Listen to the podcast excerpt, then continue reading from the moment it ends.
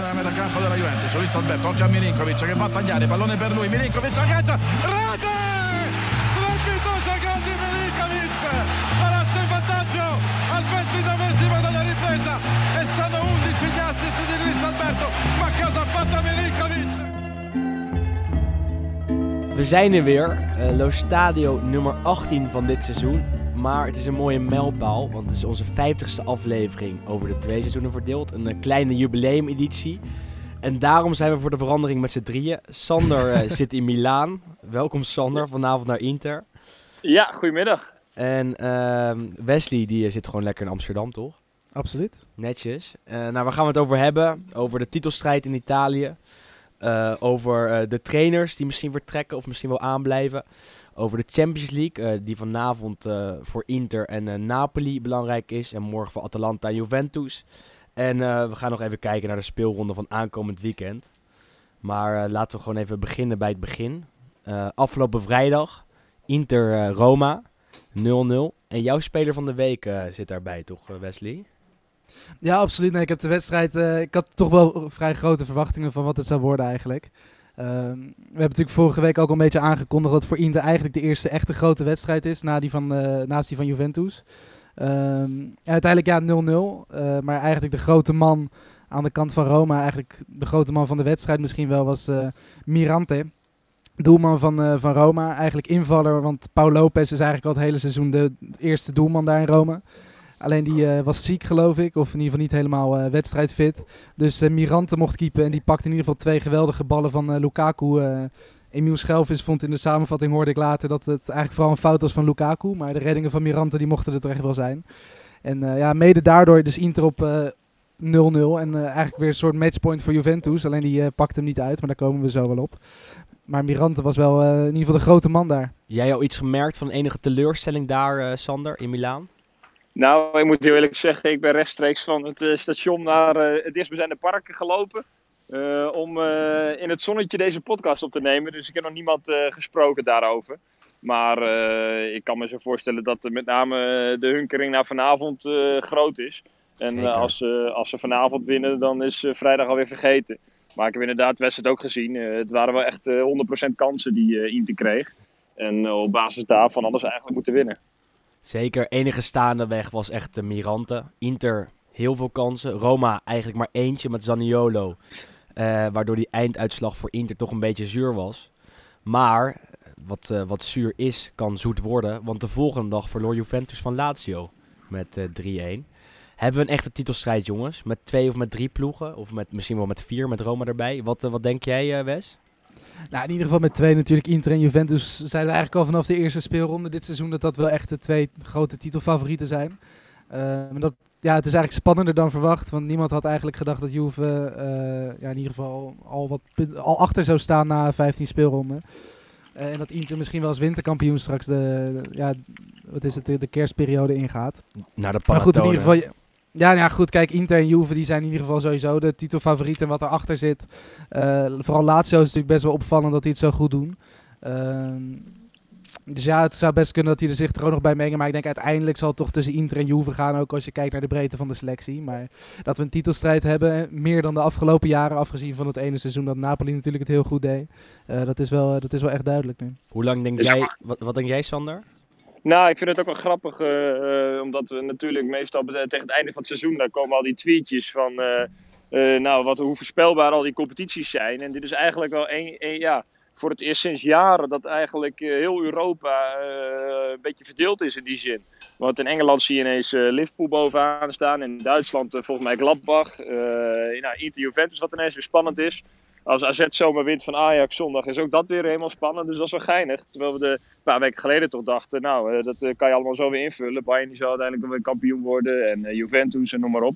En nu wordt het ineens spannend. Alleen, ik denk nog steeds dat Juventus over een heel seizoen de sterkste zal zijn. Maar het is in ieder geval tot de kerst spannend. Dat is sowieso een keer leuk. Maar op basis van wat denk je dat? Want het spel van Juventus houdt niet over. spelen hm. wekelijks heel matig. Het middenveld is nog altijd een probleem. Waarom denk je dan dat Juventus nog steeds aan het langste eind gaat trekken? Nou, ik denk dat vooral omdat uiteindelijk uh, ervaring denk ik de, de, doorslag gaat geven. En uh, het feit dat uh, Conte natuurlijk aan iets is begonnen bij Inter.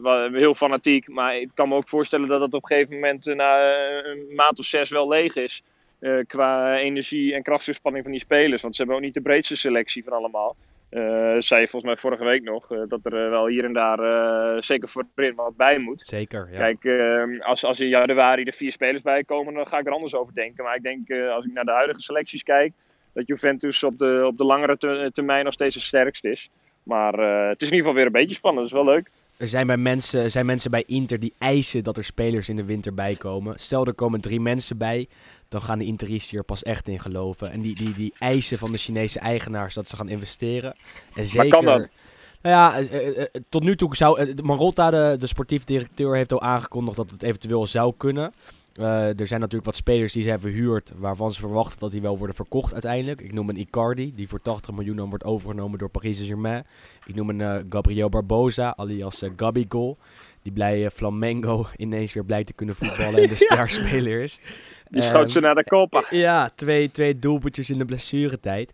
Maar ja, zulke soort eh, verkopen zouden voor Inter belangrijk kunnen zijn. En wat natuurlijk ook gewoon belangrijk is, is die wedstrijd van vanavond. Eh, gaan we het straks nog even Ja, dat over is- hebben. Maar eh, Dat is natuurlijk wel cruciaal. Misschien kunnen we er meteen eh, even bij ja, laten we het wel doen, ja.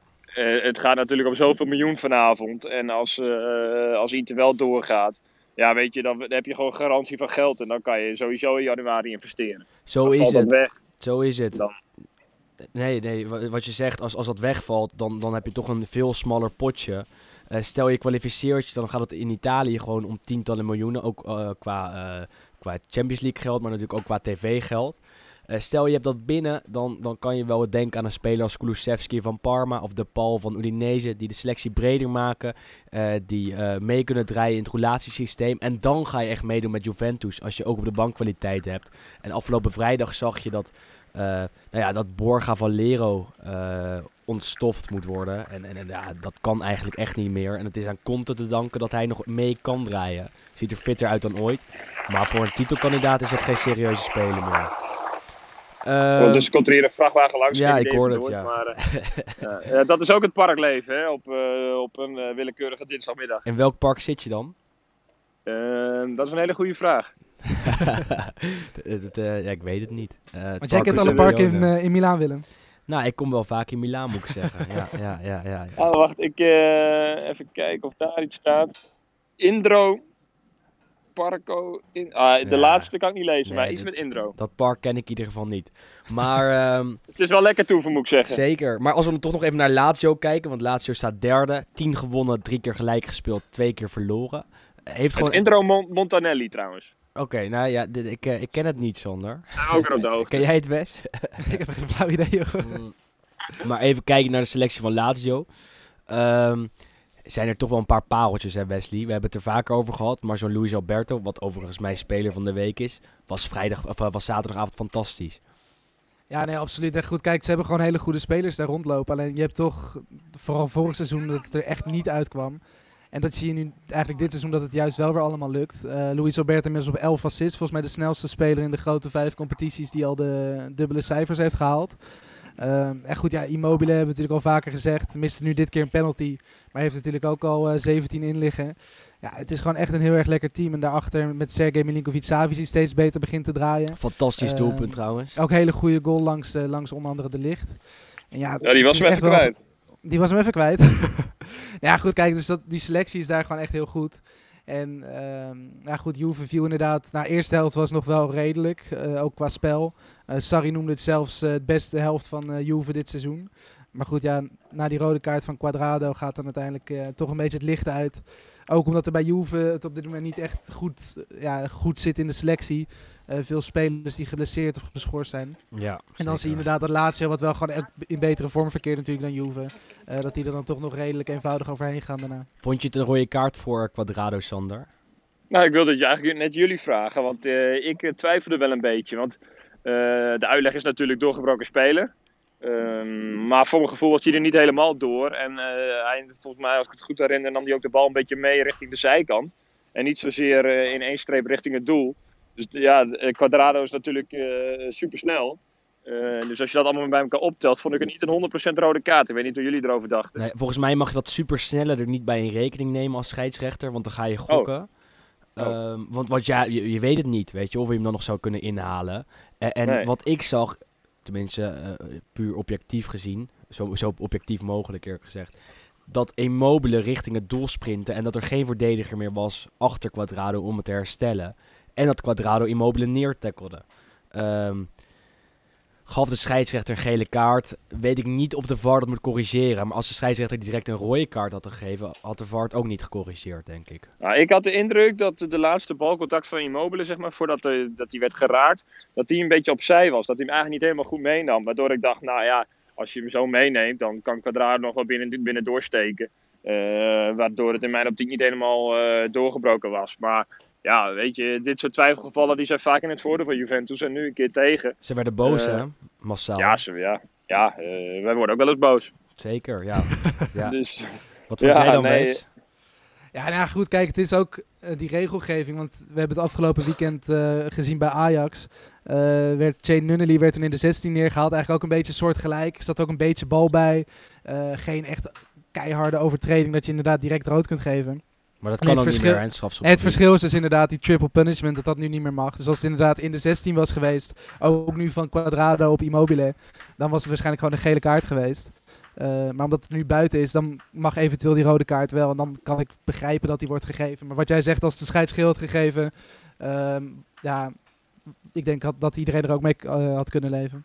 Ja, zeker. Iedereen bij Juventus boos. Eh Sarri zei zelfs dat eh, ze de wedstrijd hadden verloren vanwege deze incidenten. Eh, ze vonden namelijk ook bij Juventus dat Lazio-verdediger Luis Felipe een rode kaart had verdiend. En die gaf de scheidsrechter niet.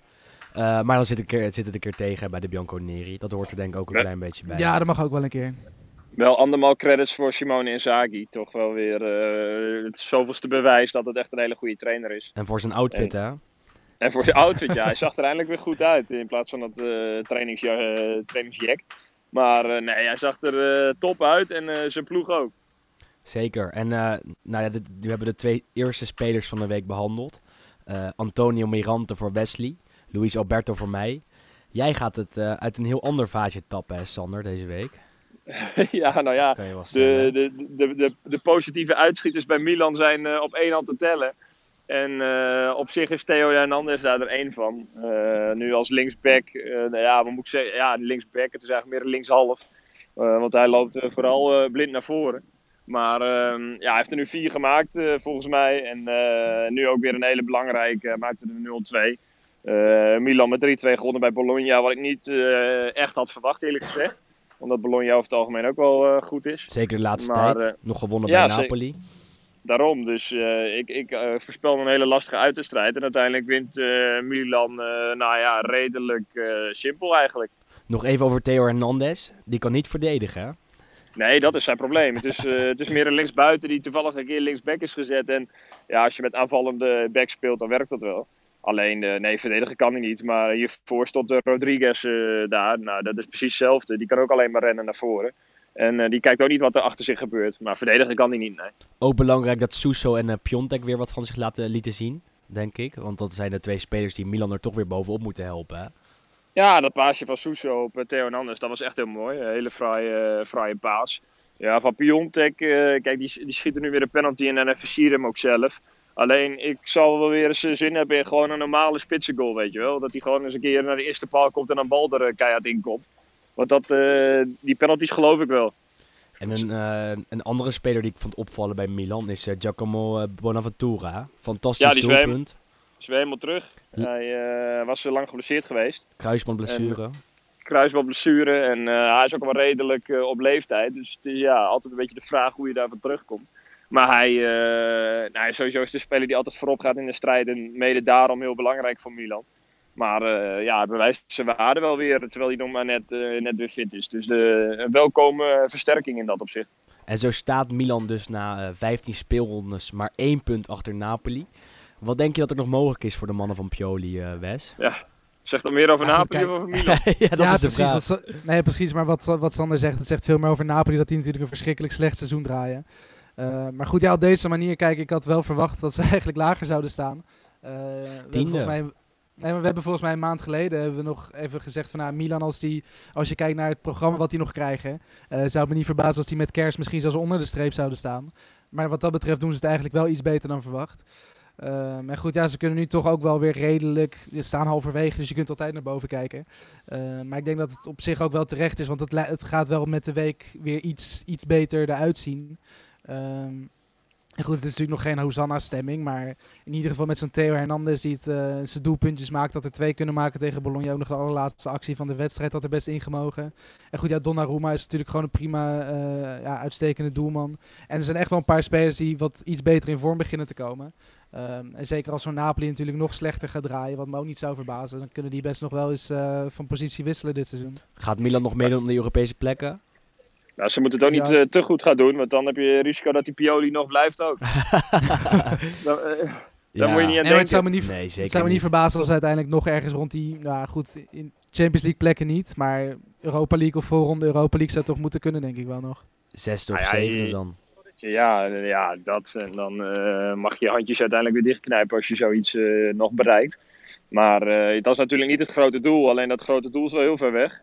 Ja, dat is die Champions League. Dat ga je niet redden, denk ik. Nee, nee, nee. Die Man, eh, Milan die heeft nu, eh, wat is het, twee keer achter elkaar gewonnen. Dan mag je blij zijn dat, eh, dat je weer een beetje eh, normaal op een normale positie staat. Alleen, eh, nee, ja, het, het is absoluut nog geen euforie. Nee, en Roma, Lazio en, eh, en vooral ook Juve en Inter zijn veel te goed, denk ik. Die gaan niet meer zoveel punten verspelen dat Milan er nog overheen kan komen.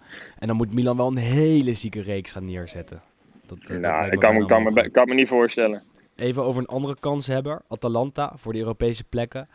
Ehm, daar was één heel raar moment, vond ik. Bij het eerste doelpunt van de tegenstander, Verona, waren er twee ballen in het veld, Wes. Jij dat gezien? Ja, dat was niet, eh, ging niet helemaal goed, eh, geloof ik. Waar inderdaad één bal werd net uitgeschoten. En die eh stuitte er volgens mij gelijk weer terug via de boarding. Dus een van de spelers wilde ingooien. Alleen een ballenjongen had dan ook weer de bal aan een andere speler gegeven. En die gooide ook in op dat moment. Ja. Dus als je precies op dat punt de, ja, de tv even op pauze had gezet... dan zag je inderdaad dat er eigenlijk op dat moment twee ballen in het veld waren. En verwarring, het voor, veroorzaakte verwarring in de verdediging Ja, van Atalanta. absoluut. Absoluut, nee goed. En die ingooi die werd gewoon genomen. En die kwam uiteindelijk voor de voeten van, eh van die Carmine. En die schoot eh, toen de 0-1 binnen. En goed, ja, heel veel kritiek volgens mij bij Atalanta was er niet eens op dat punt zelf. Het was inderdaad meer eh, op het moment dat er via de social media en via de televisie eh, gewoon dingen op pauze werden gezet. En dat inderdaad werd ge- gezien dat, het, eh, dat er iets fout is gegaan. Maar dat lijkt me inderdaad dan wel een punt voor de VAR om naar te kijken. Maar dat mag dus niet. was dat toch niet eh, Dat mag niet. nodig. De, de VAR mag niet ingrijpen bij een ingooi. Wat ik begreep van een Italiaanse scheidsrechter die daar al- altijd over blogt. Ehm, de VAR mag ingrijpen bij bepaalde eh, punten. Bijvoorbeeld bij eh, het verwarren van een speler, bij buitenspel, bij een rode kaart. Ja, maar goed, een doelpunt moet toch gecheckt worden? En dit, was toch eigenlijk, de- dit was toch eigenlijk twee keer hands dan? De, de ingooi is niet eh, binnen de machten van de VAR om in te grijpen. Dat is wat ik ervan begreep. Bijzonder. Ah, Willem, jij vertrouwt een Italiaanse scheidsrechter op de regels? Ja, niet, ja nee. Ja, ik ver- vertrouw geen enkele Italiaanse scheidsrechter, moet ik eerlijk zeggen. Nee, maar goed. dat zou ik ook niet doen. Ja, eh, vaak zijn het juist mierenneukers wat betreft de, de regels. Maar de scheidsrechter bij eh, Atalanta en Verona niet. Atalanta won er met 3-2. eh, staat gewoon zesde. Die Ehm, eh, goal van die eh, jongen met een moeilijke naam, Malinowski. ja, fantastisch hè. Die zat er aardig in. Oh, wat een goal is dat, hè? Hele goede linkerpoot heeft hij. Kwam eh, over uit België afgelopen zomer. Had wat moeite om zich Veel geld, toch? Genk. Veel geld, 15 miljoen. Had veel moeite om zich aan te passen. Eh, maar is de afgelopen weken gewoon een van de betere spelers van Atalanta. En als hij ook zulke soort doelpunten gaat scoren, dan, eh, dan blijft hij er wel in staan, denk ik. Ehm, jongens, wie gaat er eerder eh, uit? De trainer van Fiorentina, Montella, of de trainer van Napoli, Angelotti? Wat denk jij, Sander? Ik eh, denk eh, Fiorentina. Ja? Eh, ja, dat denk ik wel. Ondanks dat hij heel veel eh, credits eh, krijgt en, eh, en voorlopig aanblijft. Maar ja, ik verwacht niet dat ze Ancelotti er zo snel uitgooien. Omdat dat toch een man is met een veel grotere status. Ik denk dat je daar nog wel wat langer over na moet denken. En Fiorentina, ja, het was wel grappig. Want in het begin van het seizoen hadden die voorspellingen gedaan. Nou, toen had ik volgens mij Fiorentina ergens rond deze plek waar ze nu staan. Toen zaten ze even in een piek met, met Ribéry. Toen dachten we, nou, Fiorentina gaat er meedoen. Prima team. En nu, prima team, leuk ploegie. En nu zijn ze weer helemaal weggezakt. Dan staan ze eigenlijk weer waar ze, nou ja, misschien wel horen. Dus dat is, eh, die ontwikkeling is eh, voor Fiorentina niet zo leuk, maar wel, wel grappig om te zien. en Montella alleen, maar eh, lachen. Ja, Montella maar lachen. Ja. Nou ja, dat weet je. Ja, je hoeft alleen maar naar het verleden te kijken en je weet wat voor training je binnenhaalt. Dat is, ja, ik blijf die keuzes opmerkelijk vinden. Wat denk jij, eh, Wes? Ja, ik ga dan toch maar voor Ancelotti. Eh, mede doordat nu natuurlijk de afgelopen dagen in de Italiaanse media ook een beetje is ja, doorgecijpeld dat Gattuso eigenlijk al klaar staat. Die heeft nog net eh, zijn contract niet getekend, geloof ik daar. Eigenlijk belachelijk, hè? Eigenlijk is dat heel bijzonder, vooral omdat Ancelotti natuurlijk zelf gewoon nog lekker de persconferenties doet en nog vertrouwen uitspreekt in zijn ploeg en in de club en in zijn blijven en dat soort dingen. Eh, maar goed, ja goed, ze kunnen vanavond kunnen ze, of wat is het? Ja, vanavond hè? Ja, vanavond Eh, om vijf kunnen, voor zeven. Ja, kunnen ze zich plaatsen voor de, ja, voor de volgende ronde in de Champions League. En dat zal wel iets van druk wegnemen. Maar het zou me niet verbazen als uiteindelijk ook Ancelotti zegt misschien van nou ik heb er geen zin meer in. Want het is wel duidelijk te zien ehm, ja, dat hij gewoon niet meer echt alles uit dat team kan halen. Eh, en tegelijkertijd Arsenal is natuurlijk ook nog op zoek naar een trainer. En Ancelotti schijnt daar ook weer goede banden en eh, vrienden te hebben. Dus eigenlijk zou dat denk ik misschien voor iedereen wel de beste oplossing zijn. Dat en Napoli een nieuwe trainer krijgt. Dan nog even los van wie het is. Maar toch niet Gattuso? Ja goed, nou, dat Zou is dus inderdaad... zijn hoor.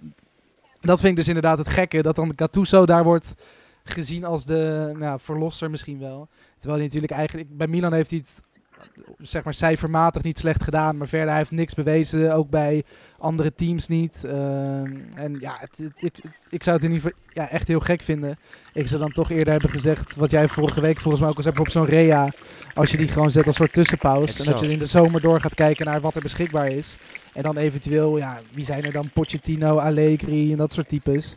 Ehm, en dan gewoon kijken wat je ku- kunt binnenhalen. Want Gattuso gaat nu natuurlijk ook niet alleen maar voor zes maanden daar eh, een contract tekenen. Die gaat er ook langer blijven als het kan. Jij bent ook geen Ik zou fan het wel van... eh, fantastisch vinden. ja, hoezo? Ja, Gattuso eh, die is net zo gek als al die Napolitanen. Dat is toch prachtig. In, eh, in Sao Paulo, ik zie het wel voor me.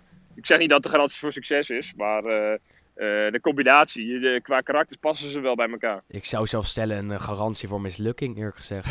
ja, Ja, Gattuso heeft toch nergens iets gepresteerd. Was bij Milan prima, maar ook niet top.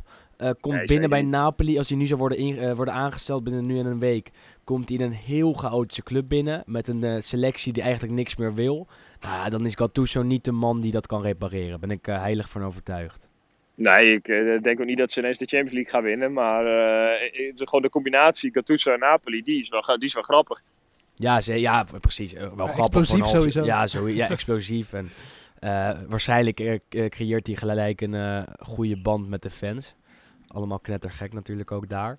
Ehm, Dat is wel, dat, en daarom denk ik van dat het wel, wel, wel, ga- wel leuk kan worden. Alleen, eh, ja, ze zullen niet eh, de Champions League gaan winnen. Nou, wat wel bizar is, is dat dan Gattuso de opvolger van Angelotti is. Een soort van de, de leerling die de meester verschalkt. Ja, dat is wel geinig, ja. Want ik kan me nog Milan-Napoli eh, destijds herinneren. Toen werd dat breed uitgemeten, Gattuso tegen Ancelotti. En nu eh, zou hij hem opvolgen. ja, daarom. En, en terwijl hij eh, veel minder bewezen heeft dan Angelotti in zijn eh, hele loopbaan. Ehm, maar goed, eh, maar goed mocht ik eigenlijk niet meer zeggen. Dus eh, we gaan door naar de... Maar, maar niet goed dan. nee, maar niet goed. Ja, door en door eh, naar de Champions League. Want Sander, jij bent in Milaan met een, eh, met een reden, hè? Ja, nou ja, vanavond Inter-Barcelona. Eh, ja, twee weken geleden of zo, toen zag je die voorlaatste speelronde, hoe dat zich ontwikkelde. En ik had eigenlijk kaarten voor Leverkusen-Juventus. Eh, Dat was een stukje dichterbij. Maar ja, eh, Juventus is al, eh, is al door en eh, ja, wat Leverkusen doet, dat maakt me niet heel veel uit. Dus ik dacht, nou ja, wat zijn dan een beetje de alternatieven? En eh Inter-Barcelona, ja, eh, zoals ik het destijds verwachtte, een eh, volgepakt San Siro eh, dat er vol achter gaat staan en waar alles van afhangt eh, voor Inter. Eh, en nou ja, nu blijkt ook dat het stadion eh, is uitverkocht. 75.000 man. Ja, en ik kon, ik kon nog een kaart krijgen, dus eh, ja, waarom niet? Eh, dus eh, zodoende zijn we hier. En ik heb eigenlijk wel hoge verwachtingen, want Messi niet mee en veel ja, reservespelers staan op de, tenminste bij Barcelona, staan op de selectielijst. En Inter is natuurlijk redelijk op oorlogsterkte. Dus ja, ik heb wel hoge verwachtingen eigenlijk. Ik verwacht een leuk avondje. Voorspelling? Ik denk dat Inter gaat winnen met, nou wat zou ik zeggen, 2-0, 2-1, zoiets. Eén keer Lu- eh, Lautaro, Lautaro en één keer Lukaku. Ah, daar verheug ik me wel op, want Ja, eh, we waren natuurlijk naar Dortmund Inter eh, geweest met elkaar. En, eh, ja, ben ik al eh, vergeten. Ja, ben jij alweer vergeten, maar ik niet. En eh, ja, gewoon het samenspel tussen die twee voorin en sowieso hoe eh, Conte Inter aan de praat heeft gekregen. Dat was wel echt leuk om, eh, om van dichtbij te zien. En eh, nou, ja, wie weet eh, kunnen we ook nog eh, Stefan de Vrij of eh Frenkie Jong eh, na afloop eh, spreken. Dus dat zal wel, eh, dan haal ik er ook nog eh, werkvoldoening uit. Maar eh, sowieso leuk om mee te maken, denk ik.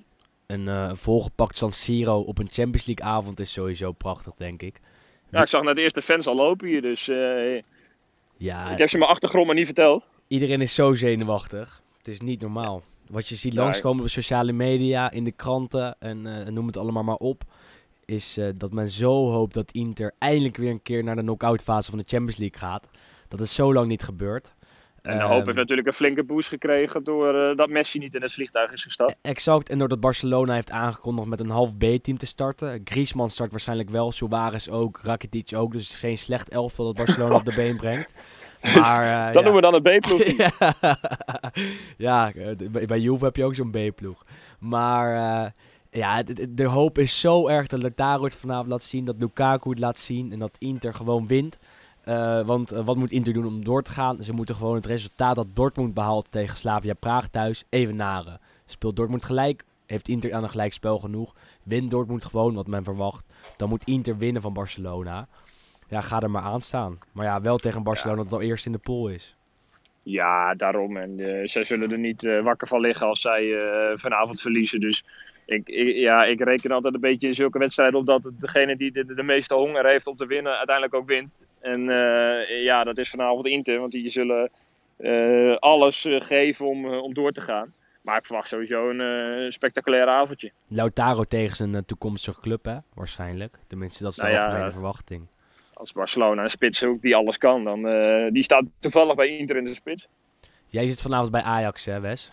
Dat is geen Ja, Inter ik voor moet, jou. Nee, geen Inter voor mij. Ik moet, eh, met kantoor moeten, eh, moeten we naar die wedstrijd.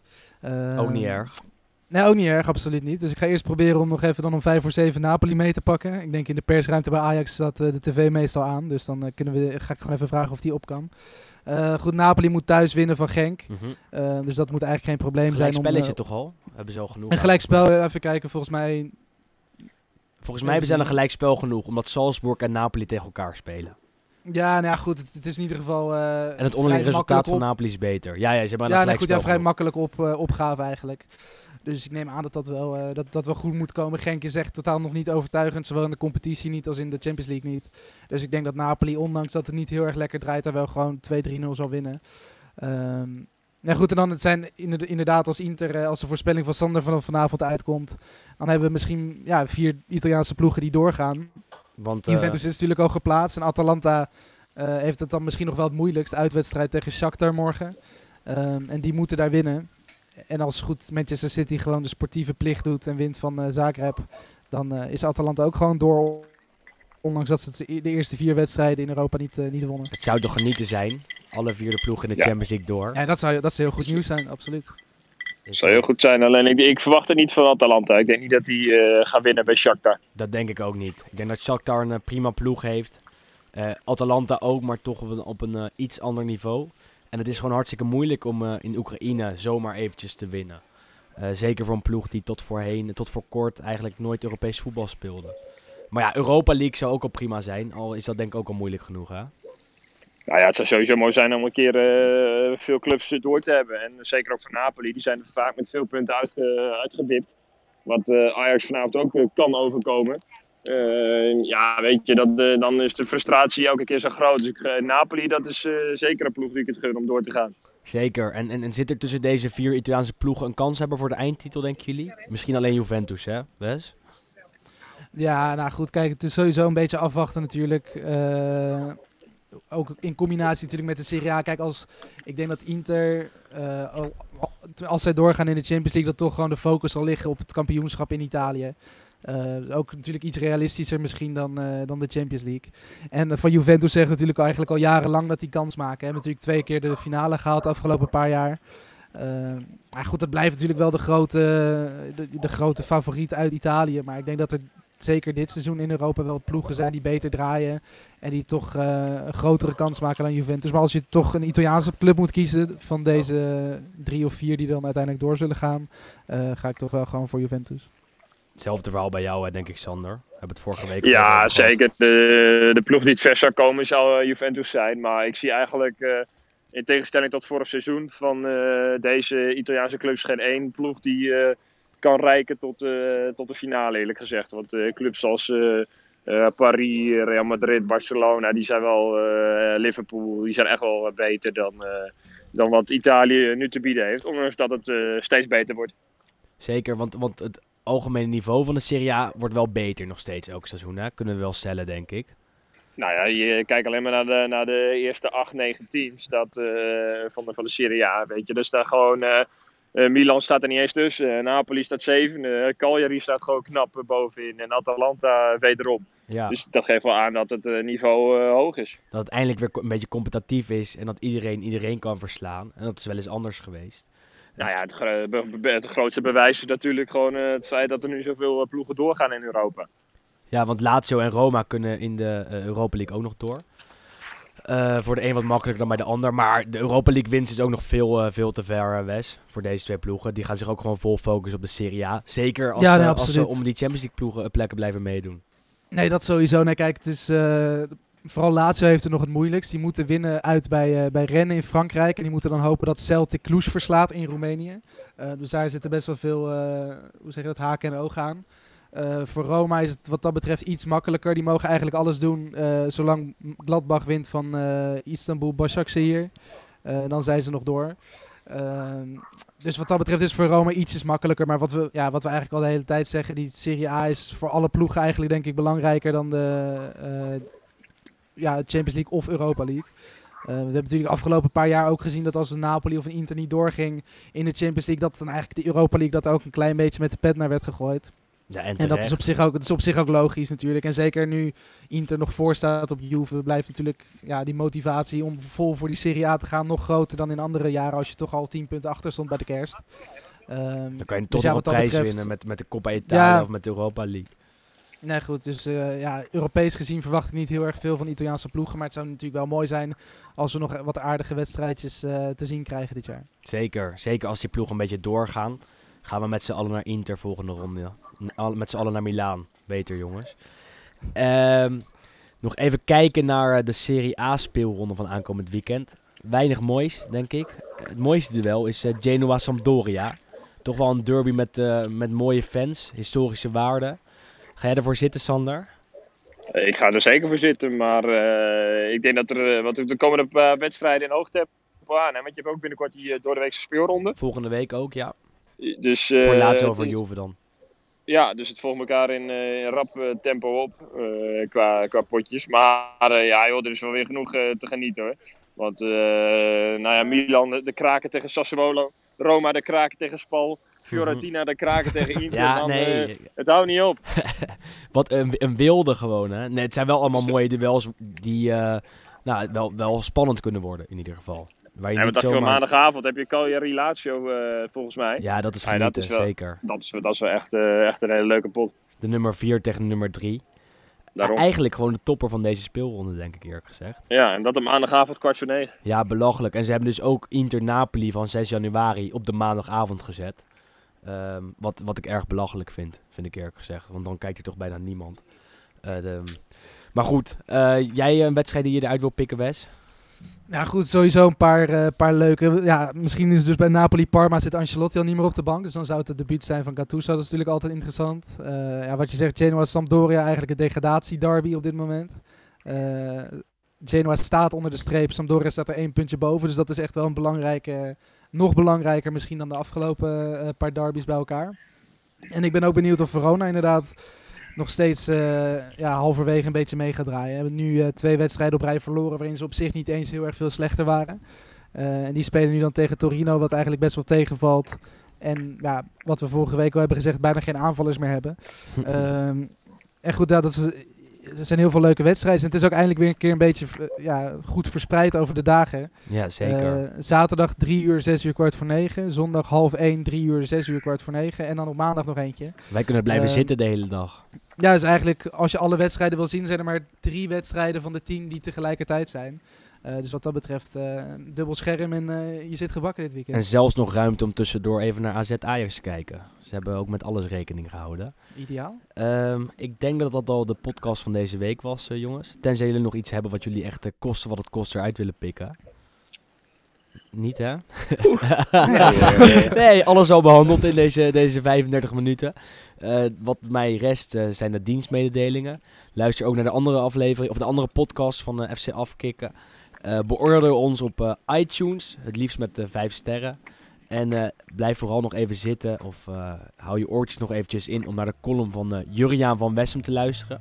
Hij gaat deze week over Fabio Capello. En wij spreken jullie weer volgende week. En wij elkaar ook. Dus tot dan. veel plezier vanavond, Sander. Ja, geniet. Ja, jullie ook, hè? Forza Inter, Sander. Nou, nou, nou. Laten we niet overdrijven. voor één keer, voor één keer. Komend weekend staat AS Roma Spal op het programma. En onbewust denk ik dan aan Fabio Capello. Vijftig jaar geleden zag ik hem voor het eerst in actie bij AS Roma. Hij was een aanstormend talent dat uh, door de club uit de eeuwige stad was overgenomen van Spal. En won in zijn eerste seizoen bij Roma de Coppa Italia. Hij was de beste speler van de Romeinen die op een winteravond tegen PSV speelde. Het duel werd beslist met het opgooien van een munt, omdat beide ploegen hun thuiswedstrijd met 1-0 hadden gewonnen en er daarna in de verlenging niet meer werd gescoord. Het publiek ging met een onbestemd gevoel naar huis en daar pas hoorde het dat PSV door loting was uitgeschakeld. Roma zou in de halve finale op dezelfde manier worden uitgeschakeld door Gornik Zabrze. Voor de loopbaan van Fabio Capello was dat jammer, maar hij zou een jaar later toch zijn eerste Europese finale spelen. Capello was namelijk in de zomer van 1970 aan Juventus verkocht en zou bij die club uitgroeien tot een charismatische leider. Hij kwam samen met zijn ploeggenoten Luciano Spinozzi bij Juve en ook met Dino Zoff en Franco Causio. Hij speelde in een ploeg met Cucuredu, Anastasi, Bettega en Helmut Haller. Het was het begin van het Juventus dat over het hele Schiereiland geliefd zou worden. In 1973 stond de oude dame in de finale van de Europa Cup tegen Ajax. Het werd voor beide clubs een afknapper. Voor Ajax werd dit de laatste triomf met Cruijff, maar vooral een toonbeeld van resultaatvoetbal en met een fluitconcert aan het einde. Je kunt het tegenwoordig niet meer voorstellen, maar het gebeurde gewoon in Belgrado. Terwijl Juve na de vroege goal van Rep niet verder kwam dan wat spartelen. Het verschil was te groot, maar de grootste vernedering voor de Italianen was het feit dat de spelers van Ajax na afloop de Europa Cup achterloos op de voorste rij van de bus zetten en vervolgens naar buiten gingen om met hun, met hun vrouwen de victorie te vieren. De cup was voor hen maar een kleinoot, terwijl de verslagen Capello vanuit de bus van Juventus dit zag gebeuren en zijn ogen vooral gericht waren op die zilveren trofee waar hij zo lang van had gedroomd. Fabio Capello zou die beker uiteindelijk toch winnen, 21 jaar later als trainer. Hij was in 1976 door Juventus verkocht aan AC Milan en dat was een voorwaarde van Giovanni Trapattoni om bij Juventus aan de slag te gaan. Trapp vond Capello maar een lastig kereltje. De middenvelder stapte een nieuwe wereld binnen en werd de Tredignon tussen Gianni Rivera en Franco Baresi. Als feitelijke leider van de ploeg die in 1979 dan eindelijk de Scudetto van de Stella won, oftewel die van het tiende kampioenschap. Capello ging studeren psychologie en business management, werd manager van een ijshockeyclub en tv-commentator. Maar hij werd vooral de vertrouwensman van Silvio Berlusconi bij diens overname van AC Milan en begon toen aan een nieuwe loopbaan als trainer. Niet de meest sympathieke trainer, maar wel zeer succesvol met acht landstitels bij vier verschillende clubs. Tanto di Capello.